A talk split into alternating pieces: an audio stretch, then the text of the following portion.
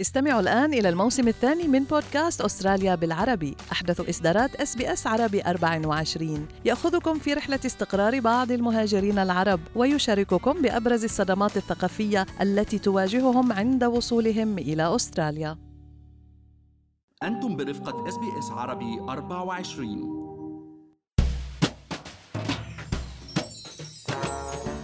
اليوم هو 1 يوليو تموز أي أول يوم بالعام المالي الجديد ومعه رح يبدأ موسم تقديم الإقرار الضريبي. ومع التغييرات الكتير اللي مرقت علينا هاي السنة قد يجد العديد من الأشخاص صعوبات عند التحضير للتقدم بإقرارهم الضريبي هذا العام. لهيك اخترنا نحكي عن هذا الموضوع. معكم مرام إسماعيل من بودكاست لنحكي عن المال. واليوم رح نحكي أنا والمحلل الاقتصادي عبد الله عبد الله عن أهم نقطة كلنا بنفكر فيها هاي الفترة وهي الطرق المتوفرة إلنا كأفراد لنخفف فاتورتنا الضريبية. بس قبل ما نحكي بأي شيء خليني أذكركم إنه كل اللي بنقال بهاي الحلقة هو على سبيل المعلومات العامة فقط وليس نصيحة خاصة. عبد الله اليوم دخلنا بالعام المالي الجديد والإقرار الضريبي بالأصل من دون كل مستجدات كورونا كان نوعا ما معقد للكثيرين، فكيف الحال اليوم بظل العديد من الإغلاقات والعمل من المنزل وحزم المساعدات الحكومية المتوفرة للأشخاص؟ يعني بسيطة يا مرام هونية بتهون اليوم في قاعدتين أساسيات للإقرار الضريبي. هني بطبيعة الحال معرفة المدخول والمصروف يلي على أساسهم بتحتسب فاتورتنا الضريبية بنهاية كل سنة. المدخول هو يعني أي مبلغ نحن بنتقاضاه آه، لقاء عمل إن كان بصفة موظف أو مقاول أو contractor يعني either عبر ال TFN أو عبر ال ABN ويضاف لهذا المدخول يمكن عبد الله مصادر دخل تانية من أرباح مثل بالاستثمارات أو مصدر دخل خارجي مساعدات ال Centrelink وغيرها. ونوعا ما يعني هاي القصص بتكون straightforward ما فيها كتير تعقيدات. بس عبد الله في طرق عديدة متاحة لنا بالقانون لحتى نخفف هالفاتورة الضريبية وهذا محور حديثنا اليوم.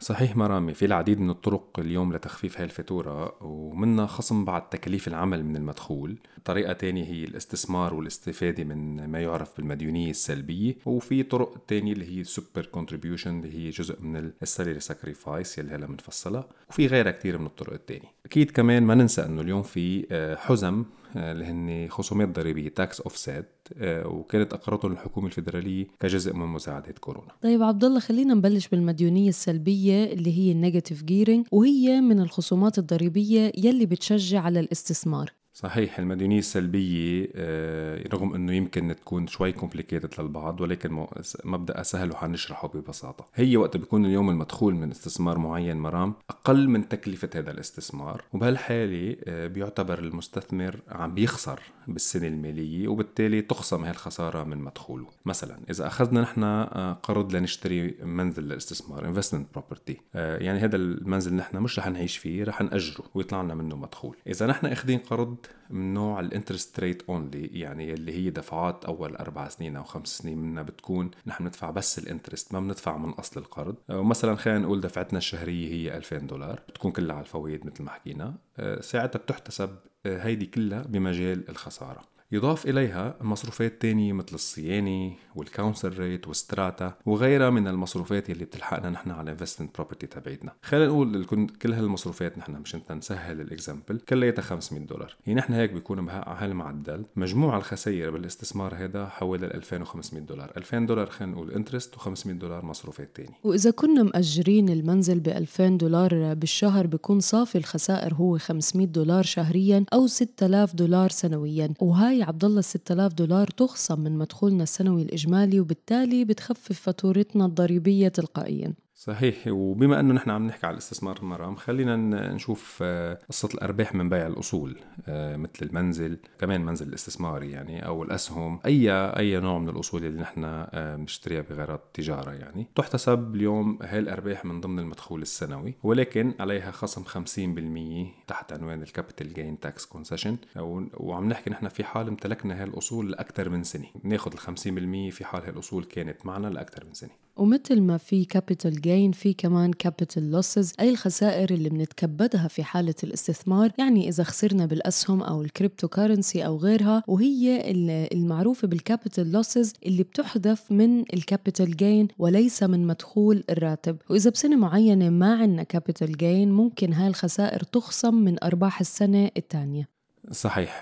واليوم من الطرق الأخرى لتخفيف فاتورتنا الضريبية آه، بالإضافة لعمل الاستثمار وال يعني وال expenses اللي حكينا عنهم هي مسألة آه، المساهمة الشخصية بال superannuation fund self contribution اللي نحن بنعملها. وهيدي مسألة آه، بتكون جيدة بتلعب لصالح آه، أصحاب المداخيل المرتفعة اليوم. يعني اليوم معروف مرام أنه المساهمة بالسوبر بتخضع ل 15% ضريبة. ساعتها ممكن بالنسبة لأصحاب المداخيل المرتفعة يكون بالنسبة لهم أنسب الوضع أنهم يساهموا بهيدي ال concession يعني يحولوا جزء من راتبهم لسوبر. آه، ساعتها بيخضع لضريبة أقل. نعرف اليوم نحن الضريبة أقل ضريبة يعني على على الراتب ال 37 ألف وطلوع هو 19% بقى نسبة ال 15% ضريبة اليوم على السوبر هي أقل. هذا طبعا أكيد يعني إذا اليوم هن ما كانوا محتاجين هذا المبلغ لأنه نحن بنعرف أنه اليوم إذا حطينا آه، هذا المبلغ بال بالسوبر مرام ما بنعود آه، قادرين نستعمله. يعني ما بعد قادرين to access هذا المبلغ قبل ما نوصل لسن التقاعد. مشان هيك نعمل حساباتنا مزبوط شو اللي بيناسبنا.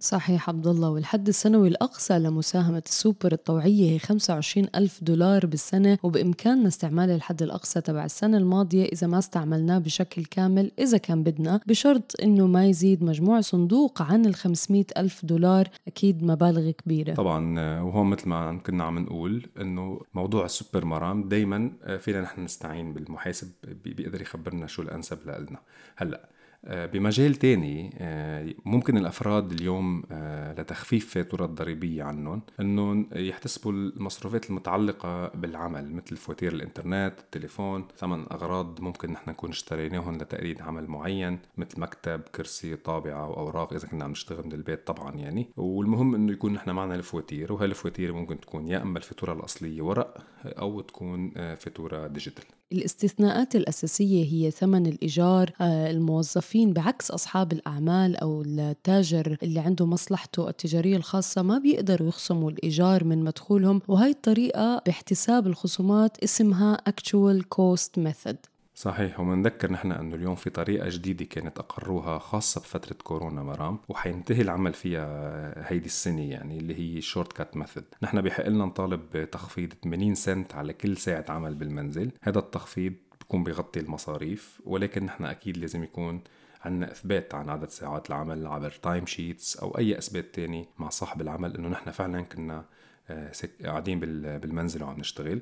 ساعتها بحق لنا نحن آه، من دون ما نوجع راسنا بالفواتير وال percentage على الفواتير بنخصم 80 سنت آه، عن كل ساعة عمل بالمنزل. صحيح عبد الله يعني فينا نستعمل أي طريقة بدنا إياها وممكن توفر لنا أكثر من فاتورتنا الضريبية مزبوط هلأ اليوم في ناس يمكن بيلجأوا أو بيعتلوا هم مرام قصة ال expenses وبنذكر إنه نحن ما زال بإمكاننا استعمال تطبيق مكتب الضريبة يلي اسمها ال ATO app موجودة على معظم ال smartphones وفيها قسم اللي هو ال my deduction نحن بنقدر من خلالها نحتفظ بكل الفواتير خلال أيام السنة ونحسب الخصومات الممكنة من خلال هيدي ال application كمان.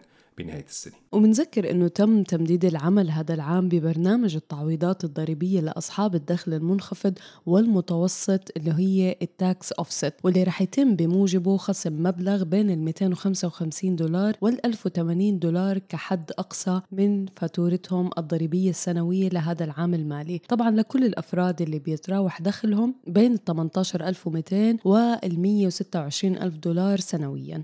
بنذكر هيدي مرام إنه هاد tax offset مبلغ بيرجع مع ال tax return يعني هو already مبلغ مخصوم بيكون من الضريبه تبعيتنا يلي دفعناها خلال السنة عبر ال pay ال pay as you go withholding بترجع لنا بآخر السنة. هلأ اليوم خلينا نقول مرام إنه حتى لو العديد من الطرق اللي ذكرناها يمكن ما بتنفعنا هلأ خلال هيدي السنة لأنه ما أخذنا ال steps اللازمة خلال العام المالي الماضي. ولكن آه، هلأ هو الوقت المناسب نحن لنقدر نخطط كيف ممكن نستفيد من هذه الحوافز القانونية. نبلش نشتغل لتخفيف فاتورتنا الضريبية السنة الجايه والعمل على هذا الموضوع ببلش اليوم يعني اليوم بحد ذاته 1 يوليو. آه، لازم نبلش نخطط لموضوع ال negative gearing إذا حابين نفوت باستثمار معين. آه، نحكي عن موضوع ال super contribution أو يعني المساهمة الشخصية منا يلي بتجي.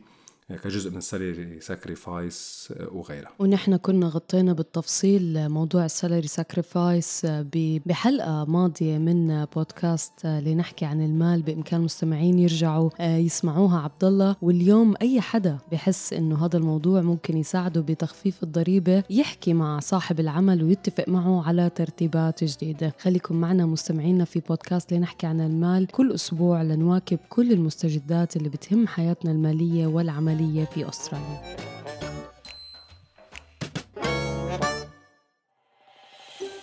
هل تريدون الاستماع إلى المزيد من هذه القصص؟ استمعوا من خلال أبل بودكاست، جوجل بودكاست، سبوتيفاي أو من أينما تحصلون على البودكاست